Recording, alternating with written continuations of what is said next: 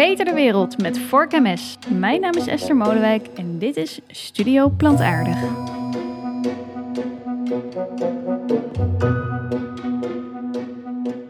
Hoe maken we plantaardig het nieuwe normaal? Dat is de zoektocht van deze podcast. Maar wat nou als dat helemaal niet hoeft? Wat nou als we, ja, als het ware, een joker in kunnen zetten? Als we gewoon vlees kunnen blijven eten zonder dat daar een dood dier aan te pas komt. En zonder de milieuschade van de intensieve veehouderij. Dat is de belofte van kweekvlees. Het lijkt haast te mooi om waar te zijn.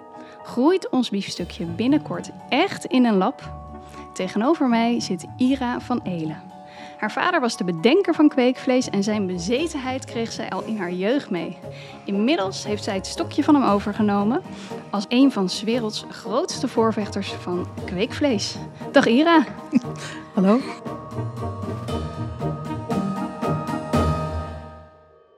Toen ik um, onderzoek ging doen naar kweekvlees en naar ja, wie ik daarvoor zou moeten hebben, toen kwamen eigenlijk alle lijnen steeds bij jou uit. Oh jee.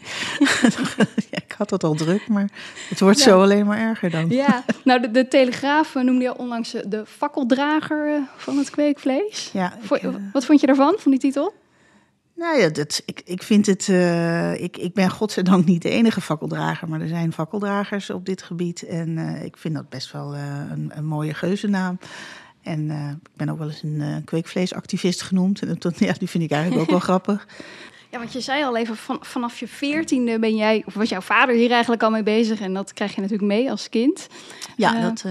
Ja, hoe, hoe was dat om, om als dochter op te groeien van een man die zo bezeten was, zoveel passie had om dit in de wereld te zetten? Nou, ik, ik vind het best lastig als mijn vader uh, alleen maar te boek staat als een bezetene, want dat was hij niet. Hij was eigenlijk heel pragmatisch. Mm -hmm.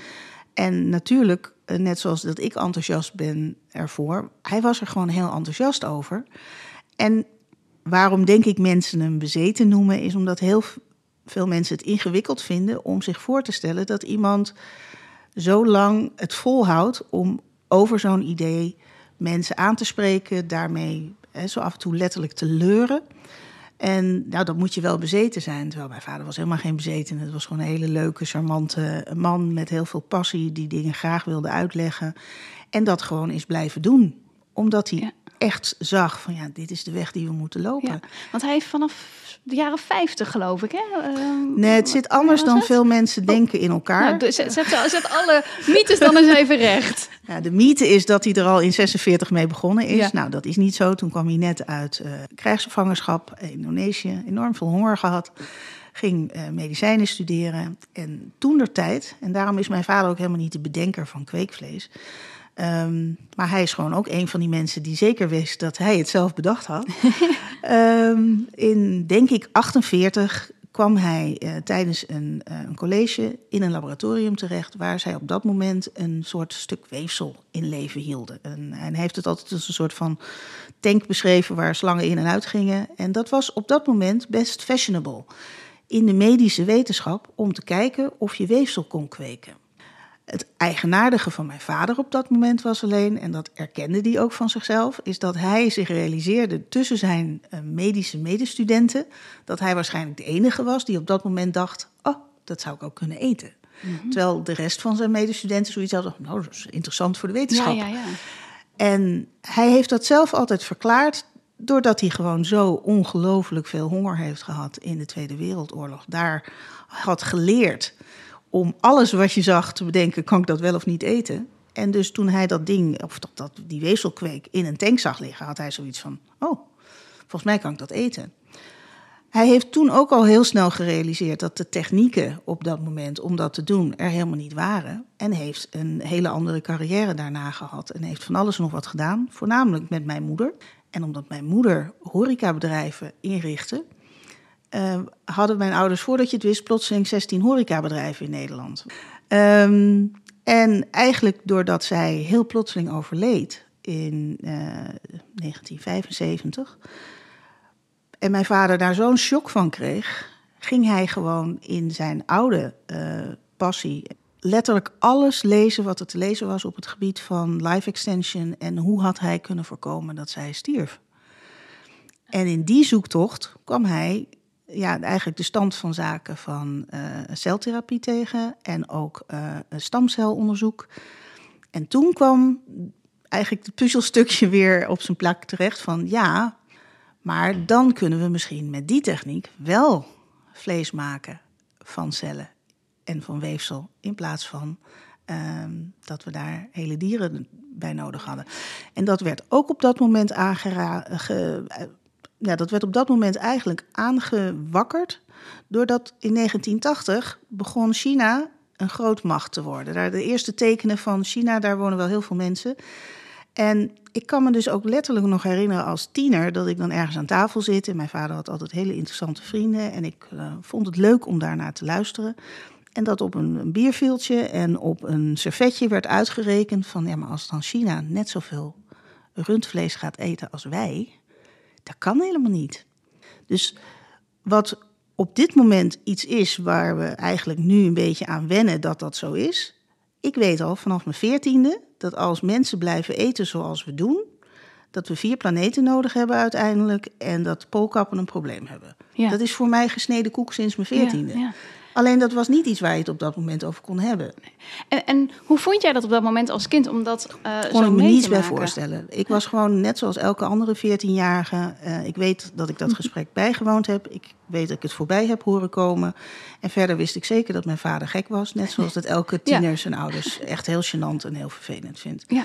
Nou, en dat vond ik ook. Ja, jouw vader is vervolgens natuurlijk met dat idee uh, aan de slag gegaan. Hij heeft uh, uh, fondsen bij de overheid geworven. Is, als ik me niet vergis, met onderzoekers aan de slag gegaan. Ja. Heeft programma's bij ze neergelegd. Um, jij hebt ook een tijd volgens mij een andere carrière gehad. Het was niet meteen het idee dat jij dat stokje van hem over zou gaan nemen. Of wel? Nee, zeker niet. En wat was dan het moment dat jij toch dacht... misschien moet ik eens iets met dat kweekvlees doen? Um, voor mij is een belangrijk moment geweest. Je moet je voorstellen, in 2014 werd mijn vader ziek. Die kreeg een, een, een hersenattack. in 2015 moest ik zijn kantoor leeghalen. Ik moest daar alles weghalen waarvan ik eigenlijk niet precies wist... ben ik nu een patent aan het weggooien? Of uh, is dit de zoveelste kopie van een andere patent? Um, en ik heb toen letterlijk het hele fenomeen kweekvlees op slot gedaan. Maar in 2017 kreeg ik een mailtje van uh, de, de firma Just in Amerika. Een van de grootste kweekvleesbedrijven van dit moment, denk ik. Een van, een van de meest veelbelovende kweekvleesbedrijven van dit moment. Ja. Maar op dat moment had ik er nog nooit van gehoord. en ik weet wel dat iemand in het mailtje zei van... Uh, we have your father's patents and uh, could we have a call with you? En ik weet nog dat ik zoiets had van... Kweekvlees, nee hè? En ik heb dus ook niet gelijk gereageerd. Dus uh, twee dagen later weer een mailtje. En in dat mailtje hadden ze een link toegevoegd van een filmpje. En dat filmpje gaat over uh, een kip. Waar ze een stukje uh, weefsel van nemen. En waar ze kipnuggets van maken. En die ze vervolgens zitten op te eten. Ja. Terwijl die kip rondloopt. Ian the Chicken. Ja, Wereldberoemd filmpje inmiddels. Ja. ja. Nou, en dat is terecht een beroemd filmpje. Want dat is het filmpje wat mij duidelijk maakte dat er wel mensen zijn die begrijpen waar het nou eigenlijk om ging. En ik had dat gewoon op die manier nog nooit door iemand vertaald gezien. Dus ja, toen was mijn antwoord inderdaad gewoon, nou ja, uh, bel mij maar. De Vegan Voxpop.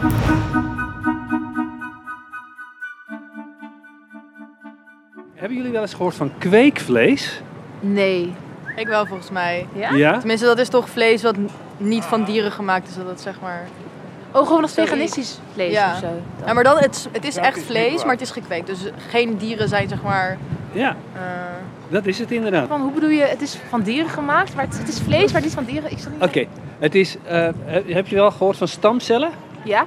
Nou, dan gebruiken ze stamcellen van een dier. Oh, zo, oké. En die doen ze in een petrischaaltje. Ja. En dan, uh, en daaruit maken ze dan. En dan maken ze, kweken, daar, okay, kweken ze letterlijk vlees van. Ja. Ja. Oh, ja, ik zou het wel eten. Ja? ja? ik zou wel benieuwd zijn of het ook hetzelfde smaakt dan en zo. En als het dan hetzelfde smaakt als gewoon vlees en hetzelfde kost, zo zou ik het, eer, zou je het dan, eerder kopen. Zou je dan eerder kopen? Ja, ja. sowieso. Wij eten ook best wel vaak uh, vega vlees. Ja, ik ook. Dus dit zou ook wel een goede optie kunnen zijn. Dan. Zeker. Zeker voor als je dan zin hebt in het echte. En als er dan geen dieren bij uh, mishandeld worden. Ja. Ja? Dat lijkt Ja. me wel een goede optie, hè? Heeft u wel eens gehoord van kweekvlees? Nou, ik denk weinig mensen, dus ik ook niet. Nooit van gehoord. Nee, echt niet. Nee? Nee. Nou, het is kweek, of vlees wat gekweekt wordt eh, met stamcellen van dieren en eh, in een laboratorium. Bijzonder. Als het hier in de supermarkt zou liggen, zou u dan ook kopen? Ik ben altijd wel in voor dingen uitproberen, dat zeg ik eerlijk. Misschien dat ik het uit nieuwsgierigheid wel zou gaan proberen. Wie weet. Ja. Heb je ook wel eens van kweekvlees gehoord? Ja, daar heb ik wel van gehoord. Daar hoor ik niet zoveel van eh, momenteel eigenlijk meer. eh. Ik ben wel nieuwsgierig hoe ze dat gaan oplossen. En als kweekvlees nou dezelfde prijs heeft als gewoon vlees en dezelfde smaak, zou je dan voor kweekvlees kiezen? Ik denk het wel, ja. Dan zou ik voor kweekvlees kiezen. Ja, de smaak hetzelfde is, want het gaat puur om de smaak bij mij. Dat vind ik toch ja, lekkerder dan veganistische producten, laat ik het zo zeggen. En eh, dan, dan zou ik voor kweekvlees kiezen. Ja. Ik weet ook niet of het per se noodzakelijk is dat je dat gaat maken. Ik krijg een beetje zo'n zo'n schaap-dolly eh, gevoel, of hoe heet dat beest? Dat gevoel krijg ik er een beetje bij. Een gemaakt iets. Ja. En als dat nou in de schappen komt van de supermarkt, er komt geen dierenleed aan te pas, zou je kweekvlees ook gaan eten? Ik denk het niet, want ik ben steeds minder vlees gaan eten. Nou, ik zou het wel in overweging nemen. Ik haal mijn vlees daar eerlijk gezegd meestal bij de scharrelslager. Dus ik eh, denk wel een beetje om dierenwelzijn. En ik snap ook dat het, eh, als we vlees willen blijven eten, dat dat best lastig kan zijn met heel veel mensen en de aanslag op het milieu. Dus ik zou het overwegen. Klinkt wel minder aantrekkelijk even goed als gewoon het ouderwetse biefstukje, eerlijk gezegd. Nou, Ira, op, op zich eh, eh, toch best positieve reacties voor wat betreft de bereidheid van mensen om het te proberen. Hè? Ja, Ja. ja. Ja. dat. eh, ja, de, de consumentenacceptatie heet dat dan. En daar maakt iedereen zich druk over. Dan gaan mensen het wel eten. En ja, nou, mensen eten wel meer dingen waarvan ze eigenlijk zelf niet eens helemaal precies weten hoe dat gemaakt is. Of laat staan waar het vandaan komt. En ehm, wat je opvalt is dat toch als je naar deze mensen luistert, dat ze wel heel duidelijk een, een, een link hebben tussen het dier, het vlees en pijn of leed of mishandeling, heb ik zelfs gehoord. En ehm, dat stoppen we gewoon weg, want we zijn heel dol op vlees. En eh, dat zit op de een of andere manier heel diep in heel veel mensen om dat eh, graag te willen eten. En ehm, ja, ik, ik ben eigenlijk gewoon heel pragmatisch. Als we nou dat dan allemaal zo nodig willen eten. En we kunnen het op een betere en eh, nou ja, in ieder geval ethisch betere Ja, manier maken dan dat we nu doen. Ja, waarom, Waarom niet? Ja, want hoe, hoe maken we het nou precies? Neem ons eens mee in, in, in een kweekvleesfabriek. Wat zien we en wat, ge- wat gebeurt er? Nou, een kweekvleesfabriek bestaat nog niet, laat dat duidelijk zijn. Ik denk dat als je je er iets bij voor moet stellen, dan moet je een beetje aan kaas maken, yoghurt maken, eh bierbrouwen denken. Als je dan dat soort apparaten op een bepaalde manier achter elkaar zet of naast elkaar zet, dan heb je een soort beeld bij wat wel eens een kweekvleesfabriek zou kunnen gaan worden. Ehm, en wat er daar dan gebeurt, is dat je uit een biopt of ehm, ja, misschien heb je ook op een gegeven moment wel cellenleveranciers, dus mensen die eh, daar eh, zich in gespecialiseerd hebben. Maar nee, neem je een cel. En even dat, dat betekent dat je een dier moet prikken, bijvoorbeeld voor een cel. Daar heeft dan neem je een niet stukje- veel last van. Dat is gewoon een, een prikje. Nou, is dat is heel belangrijk dat we dat goed uitzoeken, want ik heb geen idee. Ik ben geen koe. Ik weet, eh, als je bij mij een biop neemt, vind ik dat best spannend. Ehm, en als je dan dat eenmaal gehad hebt, heb je zo, nou ja, viel eigenlijk wel mee. Maar dat is een, een, een wat grotere naald. Eh, daar neem je een stukje weefsel met een naald weg, dat eh, als het goed is, zo groot is als een, eh, een sesamzaadje. Ja. En uit dat sesamzaadje kunnen we een heleboel cellen halen waar we wat mee kunnen. En het ene is spierweefselcellen en het andere zijn vetcellen. En je hebt ze alle twee nodig om iets te maken wat wij als vlees ervaren. Je hebt de, de spierweefselcellen nodig om iets te creëren wat de bite herkenbaar voor ons maakt. En je hebt de vetcellen nodig om de smaak en de reuk eh, en, en desnoods het, het, het, bakken van vlees herkenbaar te maken. Nou, die afzonderlijke cellen, en in sommige technieken kunnen we dat al tegelijkertijd eh, eh, kweken. Maar laten we even zeggen, we gaan die, die spiercel gaan we in een, een klein dingetje doen. En dat gaat elke keer verdubbelt zich dat. En eh, cellen schijnen ook met elkaar te communiceren. Dus je stopt ze in iets heel kleins. Daar geef je ze de juiste voeding op de juiste temperatuur. Net zoals dat dat eigenlijk dus in het lichaam van een dier gebeurt. En maak je totaal gebruik van het natuurlijke proces van de eigenschap van die cel. Als je mij te eten geeft op de juiste temperatuur, ga ik groeien. En, die, en dat eten bestaat uit? Uh... Dezelfde ingrediënten eigenlijk die je normaal gesproken dus dan in het lichaam van een dier bij de cellen moeten krijgen. Of ook in ons eigen lichaam. Dus en dat is, dat is proteïne, dat is aminozuren, dat zijn groeihormonen. Maar geen onnatuurlijke, enge, extra groeihormonen. Want daar werken die cellen helemaal niet goed op. En um, ja, wat water uh, en op de juiste temperatuur. Dus het wordt een soort van babypapje. Ja, en, en, dat, en, daar, en daar stop je die we, cellen. Dat voegen we toe aan die cellen? Of ja, die daar, nou ja, daar gooi je ze eigenlijk in. Ja. en um, dan moeten ze een beetje bij elkaar in de buurt kunnen zijn. Want ze praten met elkaar. Zo van, hé, hey, vind jij het hier ook leuk? Nou, dan gaan we elkaar opzoeken of we gaan uh, inderdaad delen. En als je dat in een veel te groot vat zou stoppen, dan doen ze dat namelijk niet. Dus dat heet dan uh, high density. Je moet ze een beetje bij elkaar uh, stoppen en dan gaan ze lekker gaan ze groeien. En um, afhankelijk van de techniek die je gebruikt, kan het zijn dat je dan nog een tweede stadium ingaat. Dat je ze dus uit het kleine dingetje naar een wat groter vat brengt, om daar dan die vervolgstappen in te kunnen doen. En dan, ja, eigenlijk afhankelijk van hoe groot dat apparaat is, of wat je dan noemt de bioreactor is, en hoe groot die dus de laatste stap kan maken, um, dat maakt ook hoe lang het proces doorgaat. Maar andersom is natuurlijk vooral de vraag: wanneer is hij goed genoeg om als vlees geoogst te worden, zeg ik dan ja, maar even? Nou, ja, dat, het heel goede mooi. woord? In, in wezen Ja. gaan we vlees in de toekomst oogsten in plaats van slachten. Nou, dat vind ik al heel, Ja, dat vind ik nou een mooi woord eh, eh, bij kweekvlees. Ja, en hoe lang duurt dat ongeveer? Dat, eh, Nou ja, daar zijn allerlei berekeningen voor. Dat duurt tussen de drie en de zes weken. eh, dat je een bepaalde hoeveelheid hebt van die startercel die je kan oogsten.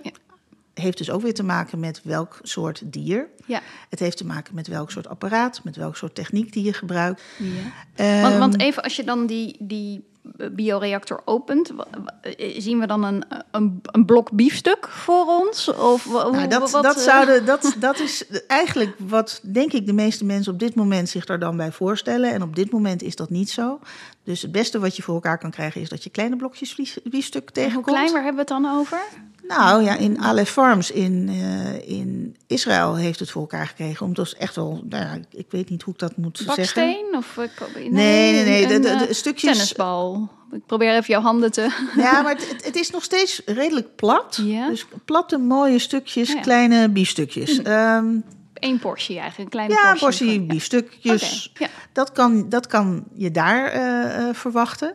En zij hebben dan dus ook het eerste gekweekte eh biefstuksteekje ge- geproduceerd. Want elk bedrijf dat er aan mee bezig is, moet op een gegeven moment laten zien waar zij nu op dit moment Precies. eh, toe in staat zijn. Dus ik heb al visvingers gezien en viskoekjes, kreeftsoep en ja, Maar wat, wat je dus eigenlijk zegt is, als je die reactor openmaakt, heb je meer een soort, soort gemalenachtig vlees. En dat kun je dan 3D printen tot meer echt een biefstuk. Nou, dat ligt er dus echt aan. Ga je met scaffolds werken, dan krijg je dus inderdaad 3D. De eh, scaffolds zijn laagjes. Een scaffold is een stellage of een raamwerk waar de cellen zich graag aan vasthechten. En waardoor ze op een gegeven moment dan op die stellage naar elkaar toe eh, groeien. En dan krijg je dus een 3D. eh, want anders, als je dat niet eh, voor ze regelt, dan hebben ze gewoon de neiging om plat te groeien. Ah, ja. Ja. Nou wil ik toch nog heel even over dat, wat voor soort vlees komt er dan uit. ja. Ehm, op dit moment kan je ervan uitgaan, en, de, en per continent zijn de cijfers iets anders hoor. Maar als je hier kijkt in Europa, is 80% van het vlees wat wij eten, zit in een pastasaus, zit in een soep, zit in een worstenbroodje, zijn gehaktballen, zijn worsten. Dat soort eh, onderdelen, worsten voor op brood. Zeg maar, gemalen of bewerkt vlees. Verwerkt vlees. Verwerkt vlees, ja. Dat vlees kunnen we gewoon morgen met kweekvlees maken. Als we dat inderdaad eh, prijstechnisch goed voor elkaar krijgen. Als we het ook mogen eten. Technisch kunnen we dat al. Ja, dat kunnen we. Oké. Maar die 3D, hè, dat nou, noemen we desnoods ik maar zeggen, een van de heilige gralen van kweekvlees, Ja. de 3D-steak. ik denk dat we die eerder inderdaad ge 3D-print gaan eh, eten. als het echt een groot ding moet zijn. Ja. Ehm, of dat we inderdaad eh, iets grotere versies gaan zien van wat ze in Israël doen met eh, van die kleine steekjes. Ja. En dat is hartstikke lekker. En waarom het lekker is, dat komt dan weer omdat we er de juiste vetten aan toevoegen. En dat is hetgene wat we zo lekker vinden aan eten. En waarom is dit nou zo'n goed idee voor het milieu? Nou ja, als je, als je het heel simpel wil zien, als je bedenkt dat we een heleboel water en een heleboel land en een heleboel medicatie en werk stoppen in een dier. En daar eigenlijk maar heel weinig van gebruiken als het gaat om vlees. Uh, dan kan iedereen zich denk ik wel voorstellen dat het gewoon veel efficiënter is om dan dat vlees gewoon rechtstreeks te kweken, zonder dat je dat hele dier erbij nodig hebt. En je hebt er minder water voor nodig. Je hebt er veel minder voeding voor nodig. Uh, je hebt er sowieso geen antibiotica bij nodig. Ja. Wat echt ook nog wel ja. een dingetje is. Want nog even over dat minder voeding. Want uh, in feite stop je nu ook weer de proteïne eerst ergens in. En dan eet je daarna ja. het nou, kweekvlees in dit geval. Mm -hmm. um, hoeveel efficiënter doet een bioreactor dat dan dat een koe dat zou doen? nou, het is meer hoe efficiënter, hoeveel efficiënter doet alleen de salad versus het hele dier. En dat is afhankelijk van uh, het, het, het species. Dus eet je kip of eet je varken of eet je rund. Ja. Dus als rundvlees ja. is het een enorme winst. Ja, want bij rund is ongeveer de factor 1 op 7, hè, heb ik begrepen. Dus je stopt er 7 kilo voer in om er 1 kilo uh, eetbaar biefstuk of eetbaar rundvlees uit te krijgen. Ja, maar zelfs bij kippen, die het het meest efficiënt doen, is toch nog steeds het voeden van uh, de cellen rechtstreeks efficiënter dan dat je dat gaat doen, dat je de hele kip. En wat is, hoeveel efficiënter? Wat is de ratio dan? Overall zouden we alle dieren die we op dit moment uh, uh, eten, of dat nou vissen, kippen of uh, runderen zijn, als we daar allemaal dat via cellen zouden doen, kan je ervan uitgaan dat we 50% minder nodig hebben. 50% minder voedsel. Voedsel, ja. Oké. Okay. En andersom kan ik me wel voorstellen dat je uh, energie nodig hebt. Uh, je, ja. noemde net al warmte ja. en, en zo'n zo'n bioreactor. Dat, ja, dus wat dat betreft hoop ik dat we voornamelijk heel erg veel vis gaan kweken. En, uh, want ja, nou ja, dat kan je op een lagere temperatuur kweken. Aha. Daar heb je maar 17 tot uh, 19 graden voor ah, nodig. En bij vlees? En voor vlees gewoon 37 graden. 37, ja. En ik heb eigenlijk altijd overal gezegd... als we niet ook tegelijkertijd een energietransitie doen... dan vind ik dat je veel meer vraagtekens bij kweekvlees uh, zou mogen zetten... als het dan over puur energie gaat en uitstoot gaat. Dus als je kweekvlees maakt met groene energie ben ik er helemaal blij mee. Ja. Als je dat zou moeten gaan doen en verwarmd met kolencentrales, vind ik dat ja. best wel een dingetje. Ja. Aan de andere kant, en dan ben ik misschien een fanatiekeling volgens heel veel mensen. Als je dan toch nog steeds de andere voordelen erbij opneemt, dan zou het nog steeds totaal verdedigbaar zijn om ook dat te doen. En dan heb je het over welke voordelen? Dierenleed, geen pandemieën, geen antibiotica. Ja, want nog uh, even geen pandemieën. Je zegt hem heel snel, maak die link nog eens. Als wij op dit moment doorgaan met de intensieve veehouderij, dan is de volgende pandemie via, hè, ik weet niet of iedereen het op dit moment weet, maar we, ja, op dit moment zitten alweer maanden alle vogels opgehokt vanwege een vogelgriep. Mm -hmm. Het is bekend dat die vogelgriep uh, de grote kans heeft om bij ons uh, over te springen. En we hebben dan nu toevallig met COVID te maken gehad. Maar we verwachten eigenlijk al veel langer dat we er eentje uh, te pakken krijgen via de vogelgriep. Ja, de, de zoonosen, ja, die dan van dier op mensen overspringen. Want is het ook echt zo dat dat bij kweekvlees, dat kweekvlees gewoon niet vatbaar is voor nee. uh, dat soort ziekten? Nee, nee het zou nee, hooguit kunnen zijn dat een van de dieren waar je dan een biop van neemt, daarmee een besmetting heeft. Maar omdat het een totaal transparant en controleerbaar proces is, weet je dat voor je dat. Want die cel die je daaruit haalt, die ga je natuurlijk controleren. Dus ja. er gaat een totaal gecontroleerde cel in die ja. bioreactor. Ja. En daar kan dan op dat moment ook niets meer bij komen. Sterker nog, al zou er iets bij kunnen komen, gaat dat hele groeiproces niet door. Dan mislukt dus de kweekvleesoogst.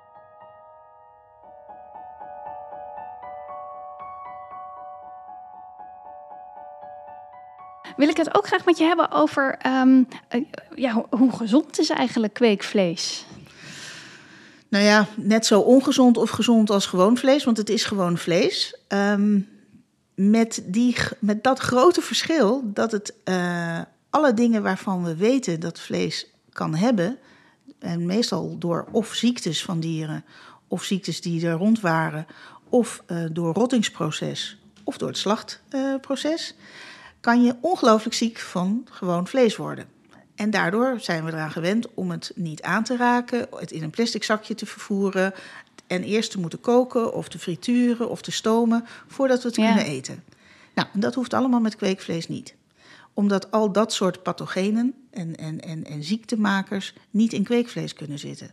Want dan zou de oogst mislukken. Ja, ja, ja. ja, je noemde net ook al antibiotica. Dat, Ja, eh, dat zit er dat ook niet zit er in. ook niet in, kan ik me voorstellen. Antibiotica ben ik heel blij dat we ophouden dan op die manier dat massaal in ons milieu te krijgen. Want ik geloof best wel dat we het niet meer in ons vlees vinden tegenwoordig.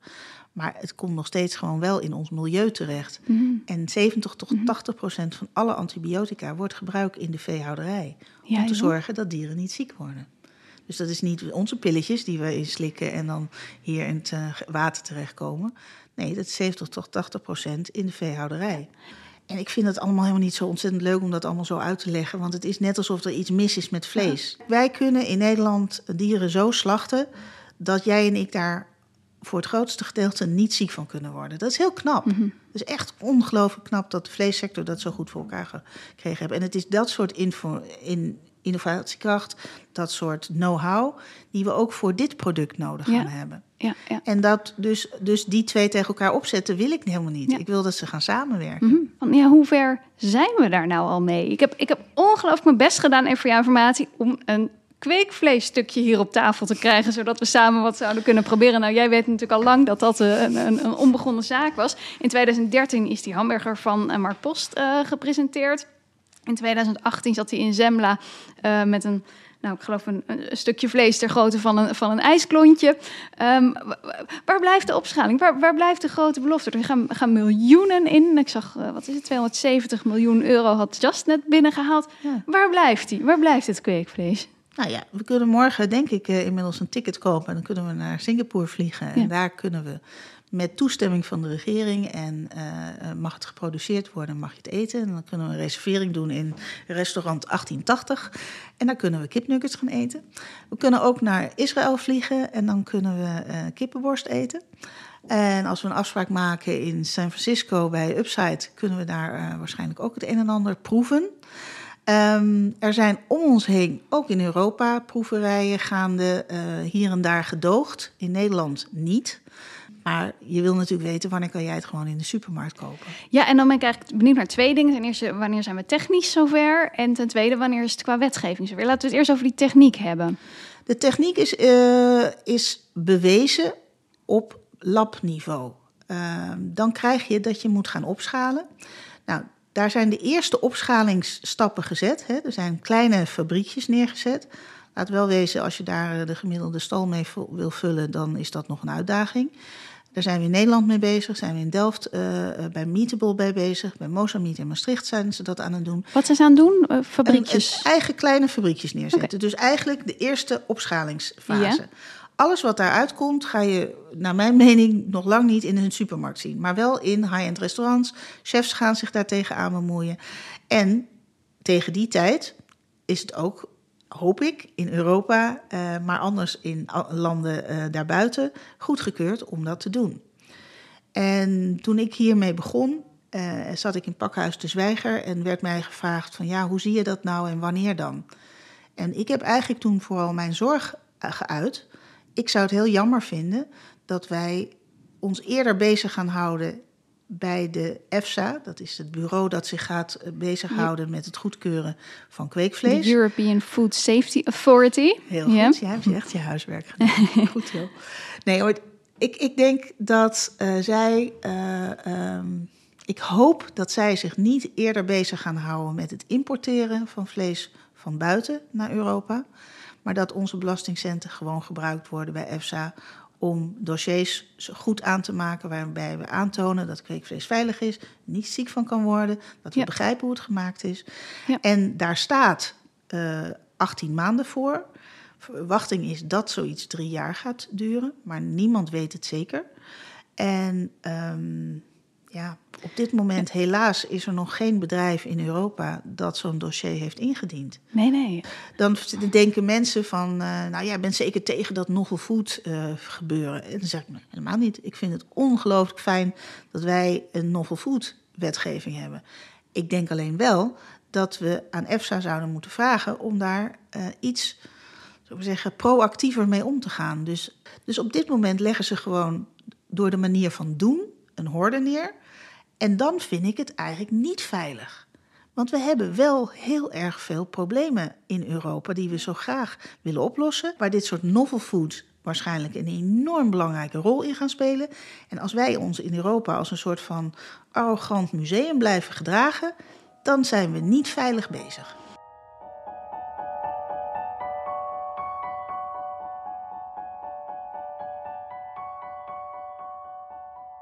En kan het kosten technisch al uit? Nou ja, er zijn de, de, op dit moment niet. Als je nu op dit moment uh, kweekvlees gaat eten, is het absoluut duurder dan wat je gewoon hier zo bij de ja. kiloknaller kan krijgen. Maar die prijs klopt ook niet. Hè? Die is kunstmatig laag. Uh, als we daar ook nog, denk ik, bovenop zouden gooien wat de kosten voor het milieu zijn, dan denk ik dat die kiloknaller al een stuk duurder zou worden. Um, en als je dat bij elkaar of naast elkaar zou zetten, dan verwacht iedereen dat kweekvlees zelfs goedkoper gaat worden dan conventioneel vlees. Ja. Ira, uh, hoe smaakt het eigenlijk? Nou ja, het is heel saai, gewoon als vlees. gewoon maar ik, ik, ik, ik, heb daar wel iets. Ik, de eerste keer dat ik kweekvlees uh, uh, kreeg, uh, met een camera op me en een grote toeter boven mijn hoofd, die dan mijn smakgeluiden moest opnemen. Maar weet ik nog dat ik zoiets had van ja, nou ja, dat is best lekker en zo. En ja, het was gewoon, uh, ik, ik kreeg een, een, een dukmoes te eten. Nou, wat weet ik nou van een dukmoes, hoe die moet smaken. Een eendemoes. Dus ja, het was ja. hartstikke lekker. En ik kreeg uh, een stukje worst en ik kreeg een tortilla en allerlei dingen die vlees waren en waarvan ik dacht, ja, dat smaakt naar vlees. Um, ben je eigenlijk een vleesliefhebber? Toen had ik gewoon nog vlees, ja. ja. En nu niet meer? Nee. Oh, wat is, wat is er gebeurd? Ik dacht altijd dat ik dat niet kon. Ik dacht dat ik iemand was die nooit uh, zonder vlees zou kunnen. Of erger nog, dat ik niet zonder zuivel en zonder eieren zou kunnen. En ik weet dat ik, het klinkt heel idioot misschien, maar ik wilde nooit een vegetariër worden. Als ik dan toch iets zou doen, dan vond ik van mezelf dat ik veganist moest worden. En ik was ervan overtuigd dat ik dat niet kon. Want ja, ik, kan niet veganistisch koken. En wat moest ik dan, hoe moest ik dat dan in godesnaam doen? En op een gegeven moment uh, heb ik mezelf toch voor de uitdaging gezet om dat wel te doen. En ben ik eigenlijk van de een op de andere dag. Uh, nou, eerst maar een paar dagen gewoon stoppen met eten, dacht ik. Dan kan het alleen maar beter worden. Ben ik dan blij met een appel of zo? Of... dat, vind, dat vind ik een hele effectieve tip voor de luisteraars. Ja, het is echt letterlijk zo gegaan. Ik dacht van, nou ja, oké. Okay, uh, ik ben nu in de war. Ik weet niet precies hoe ik dat moet doen. En ik heb er ook geen boeken over gelezen. Ik, ik ben echt van de een op de andere dag gedacht van, nou ja, ik, dit, dit, irriteert me. Ik, dus, en ik ben echt letterlijk toen een paar dagen maar gestopt met eten. En dat was sowieso op dat moment misschien zelfs wel goed voor mijn figuur. Want ik eet echt heel graag en ik ben echt zo'n koker en zo. En wat ook heel gek was, dat mijn grootste zorg was eigenlijk... willen mensen nog wel bij me komen eten? Vindt mijn zoon het nog wel gezellig om bij mij te komen eten? Want het is een vleeseter. Ah. Um, dus ik was meer nog met mijn omgeving bezig ben ik nog wel een goede gastvrouw als ik dit moet doen, dan dat ik met mezelf bezig was. En uh, daar zat mijn onzekerheid en inderdaad mijn onwetendheid, want ik had me er niet echt in verdiept. Um, en ja, uh, zo is het bij mij gegaan. En uh, nou ja, echt de eerste keer dat je als dan zelfbewuste vegan een supermarkt ingaat, ben je echt totaal van gechoqueerd, want niets in die supermarkt is plotseling voor jou. Het is echt uh, even zoiets van. En ik ben er ook niet per se nou heel erg veel vrolijker van geworden. En mijn grootste um, wapenfeit uh, was eigenlijk mijn afgelopen verjaardag. Dat ik een Halloween party gaf. En het hele buffet en al het eten en drinken wat er in huis was, was allemaal vegan. En dat al mijn vegan vrienden, die ik inmiddels ook allemaal heb, allemaal daar zo kerend van. Ah, het is allemaal vegan. Ik zei, ja, alles is hier vegan. En het was lekker en het was leuk. En het was ook nog echt gewoon uh, hartstikke griezelig allemaal uh, neergezet. En um, dat ik dat inmiddels kan. dat ik dus mijn gasten kan verblijden met lekker eten, waar ik trots op ben, uh, wat, dat niemand iets hoeft te missen. En, um, dus dat idee dat je had van misschien een negatieve reactie van mensen die iets missen, dat, dat bleek. Nou, ik heb er heel erg hard aan gewerkt om te zorgen dat dat niet gebeurt. Dus als iemand bij mij komt eten, dan krijgt hij uh, niks dierlijks te eten. En, uh, daar, maar daar hebben we het ook helemaal niet over. Hij krijgt gewoon te eten wat hij te eten krijgt. En over het algemeen uh, zegt iedereen dat ze het heel lekker vinden. Ja, ik, ik weet niet of cold turkey ook uh, mag gelden voor vegan worden, maar je bent eigenlijk redelijk. Uh, ja, hele, hele slechte term. Dit. Ja, cold turkey, no turkey. je bent no turkey vegan. Gegaan. Ja, ik ben een no turkey ah, vegan. Wat leuk om, om te horen. En, dus eigenlijk ook meteen wel een, wel een interessante brug naar. Um, uh, ik, heb, ik, heb mijn, uh, ik heb mijn weekend heerlijk verdiept in dit, uh, in dit thema van kweekvlees. Ik kan soms helemaal me verliezen ergens in. Mm -hmm. En um, toen kwam ik ook bij een debat van dierenrechtenactivisten uit. En die zijn er, ik vond het fascinerend, die zijn daar ongelooflijk verdeeld in. Ja. Dus er is een, een deel dat zegt van, ja, um, uh, we moeten gewoon heel hard grote stappen maken om die dieren uit de voedselketen te schrappen. En uh, met hopen dat iedereen veganist wordt, schiet het gewoon niet op. Dit is de oplossing en we moeten hier heel hard aan trekken. Maar er is ook een grote groep, en ik ben benieuwd wat jij daarvan vindt, die zegt eigenlijk met kweekvlees houden we juist ook een beetje de meat culture in stand. Dat we nog steeds blijven zeggen: meat is heerlijk, meat is belangrijk. Uh, we, hebben nog steeds plaatjes van, van, van, van burgers, van sappige steaks. Um, en uh, moeten we, ja, dat neemt juist het momentum weg van die plantaardige beweging die we op dit moment hebben. Hoe, hoe zie jij dat argument? Nou ja, ik ben veganist geworden doordat ik me met kweekvlees ging bezig houden. Dus ja, is dat, als dat een antwoord op de vraag is, dan. Uh, en ik kan het hem ook wel een beetje uitleggen. Um, als je. En, en, en ga even niet alleen over Nederland nadenken. Denk even wereldwijd na. Ja. Denk eventjes over groeiende economieën na. He, 65% van de wereldbevolking leeft op een plek waar ze heel graag meer dan hun huidige hoeveelheid dierlijke eiwitten eten. En um, als, als je naar een winkel gaat of naar een markt gaat en jij hebt de keus tussen iets plantaardigs en iets dierlijks. En jij bent groot gegroeid met de wetenschap dat dat ene heel goed is. Want het zijn hele hoogwaardige eiwitten die we over het algemeen heel hard nodig hebben, zeker op bepaalde plekken. Dan moet je het iemand niet kwalijk nemen dat hij daarvoor kiest. Als je plotseling de keuze uit drie hebt, dus stel nou dat ik kan kiezen uit iets plantaardigs, ik kan kiezen uit iets uh, uh, conventioneel vlees mm -hmm. en ik kan ook kweekvlees kiezen. Letterlijk moet ik dan een ander stuk van mijn brein gebruiken. Ik moet dan een keuze gaan maken. Dus niet een soort van instinctieve keuze, maar een, een, een, een, een, een keuze gebaseerd op een overweging. En dan kan de informatie over uh, ja, wat het eigenlijk is, best wel ertoe leiden dat we ook vaker plantaardig gaan eten. En ik zie dus kweekvlees, en iemand die dat ook met mij zo ziet, ik zie kweekvlees als een noodzakelijk transitiemodel. Ah.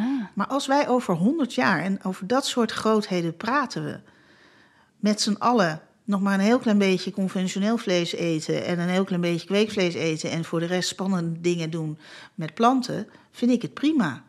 Dan, dan vind je mij niet tegenover je. Jij denkt dat kweekvlees kan helpen om ja. mensen ook meer plantaardig te laten eten. Ja, want voordat jij die kweekvleesburger koopt, moet je toch ergens even over nadenken. En dan moet je toch weten wat het ding is. Maar het grappige is dat met kweekvlees heb je bijvoorbeeld ook nog de mogelijkheid dat we hybride modellen krijgen. Mm -hmm. En ik ben de eerste die daar heel enthousiast over wordt. Zo van, laten we nou datgene wat er dan in nodig is om het op vlees te laten lijken, gebruiken. Zeker dan ook die vetten erin te gebruiken. He, dan weet ik zeker dat het kip is en dan ruikt het naar kip en het, uh, het, het, het, knappert ook een beetje als kip. Maar als daar nou voor een bepaald percentage plantaardige dingen in verwerkt zitten, maakt mij dat uit? Nee. Als het maar de juiste smaak heeft en als het maar een goede prijs heeft en als het maar voorhanden is. Ja, en, en wat vind je van die vegans die daar zo, die zeggen van ja, maar we, we, we moeten nou juist dat momentum pakken naar plantaardig? Nou ja, ik denk dat, die, dat, dat er ongelooflijk veel te, te knokken is. Dus ik, ben, ik sta bij hun ja. mee te juichen van dat moeten we inderdaad doen. En ik vind het heel fijn als ze bij mij ook meekomen juichen om te laten zeggen van nou laten we dan die mensen in ieder geval die dan pers en of vlees willen eten, dan kweekvlees laten eten. En dat daar een groep tussen zit die het absoluut verfoeilijk zal vinden waar ik mee bezig ben, dat snap ik. En daar heb ik alle respect van de wereld voor. Ehm, maar ik zit in het kamp van de pragmaten op blijkbaar. En denk van ja, elke koe die, uh, en elk jaar dat we dit eerder kunnen doen. En al die miljoenen die we, zou ik maar zeggen, daar eerder mee of uit de lucht of uit de stallen krijgen. Ja, vind ik de moeite waard. Ja, ja. En, en, en, je noemt al de stallen. Ik wil het ook nog graag met je hebben over de boeren. Want daar begon je eigenlijk zelf al kort over in ons voorgesprek. Je zei, laten we de boer niet vergeten in dit verhaal. Nee. Wat, wat zijn jouw plannen met de boeren?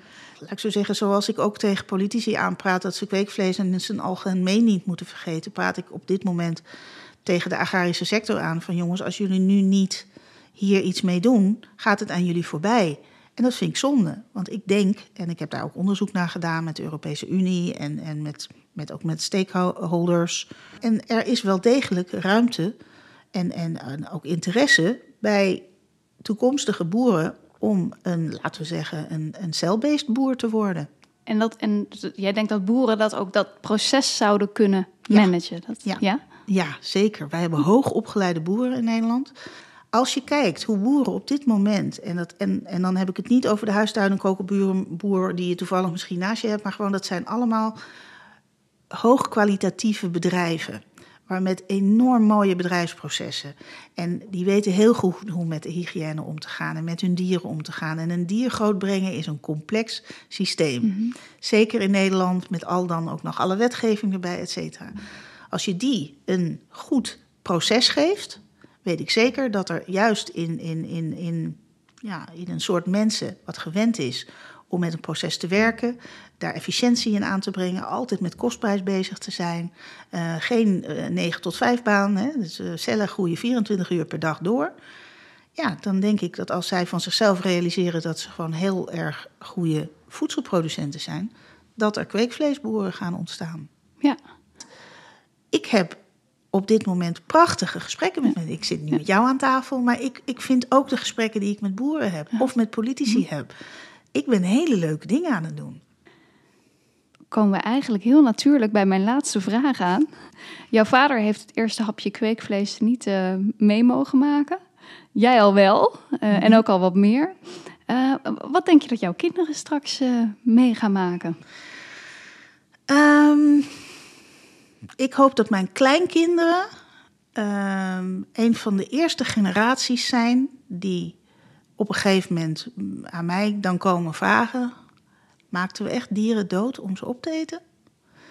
En daarnaast hoop ik dat ik dan uh, bij mijn kleinkinderen als oma op bezoek kom en daar allerlei eten te eten krijg, uh, wat heel lekker is. Voor, voor mij staat voorop dat hetgene waar we mee bezig zijn heel lekker eten wordt. Ik hoef niet honderd jaar terug. Ik wil heel graag 100 jaar vooruit. Ik ben heel benieuwd wat ik dan te eten krijg. Wat mooi. Dankjewel, uh, Ira. Is goed. Dank voor Dank het interessante gesprek. En dan eindigen we ook nu weer met een gerecht van de vegan chef.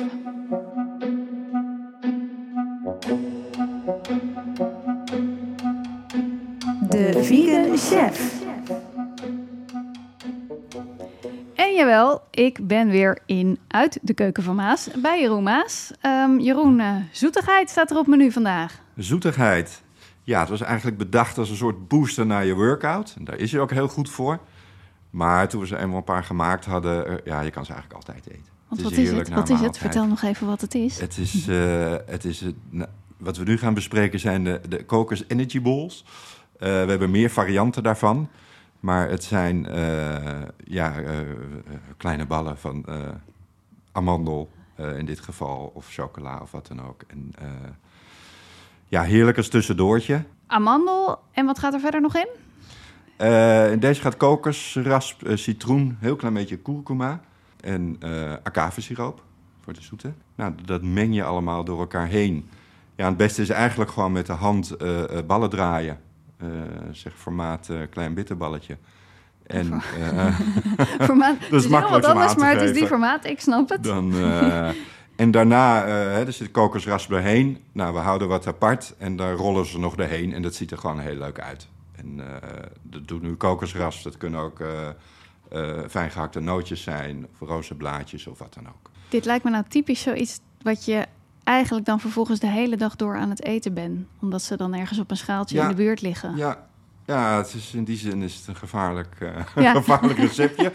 Wat ik, ik maak er altijd wel meerdere. Eh, wat ik doe is, ik, eh, ik vries een deel in. Ja, anders is de schaal inderdaad op. Ja. En ze zijn gewoon heel goed in te vriezen en dan heel lang, heel lang te bewaren. En ik maak dan ook vaak tegelijk wat meer soorten, dan hebben we wat variatie. Je kan ze heerlijk met dadels maken. dadels, cacao koken, dat is heel lekker.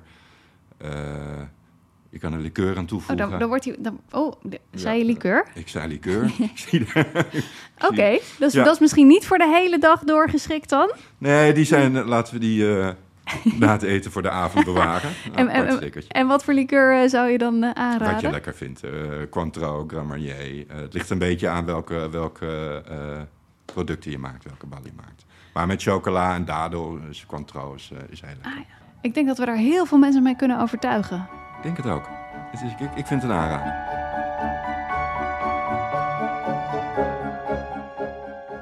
Dat was hem. Dankjewel voor het luisteren. Wil je het volledige recept uit deze podcast nalezen? Kijk dan op onze website www.studioplantaardig.nl.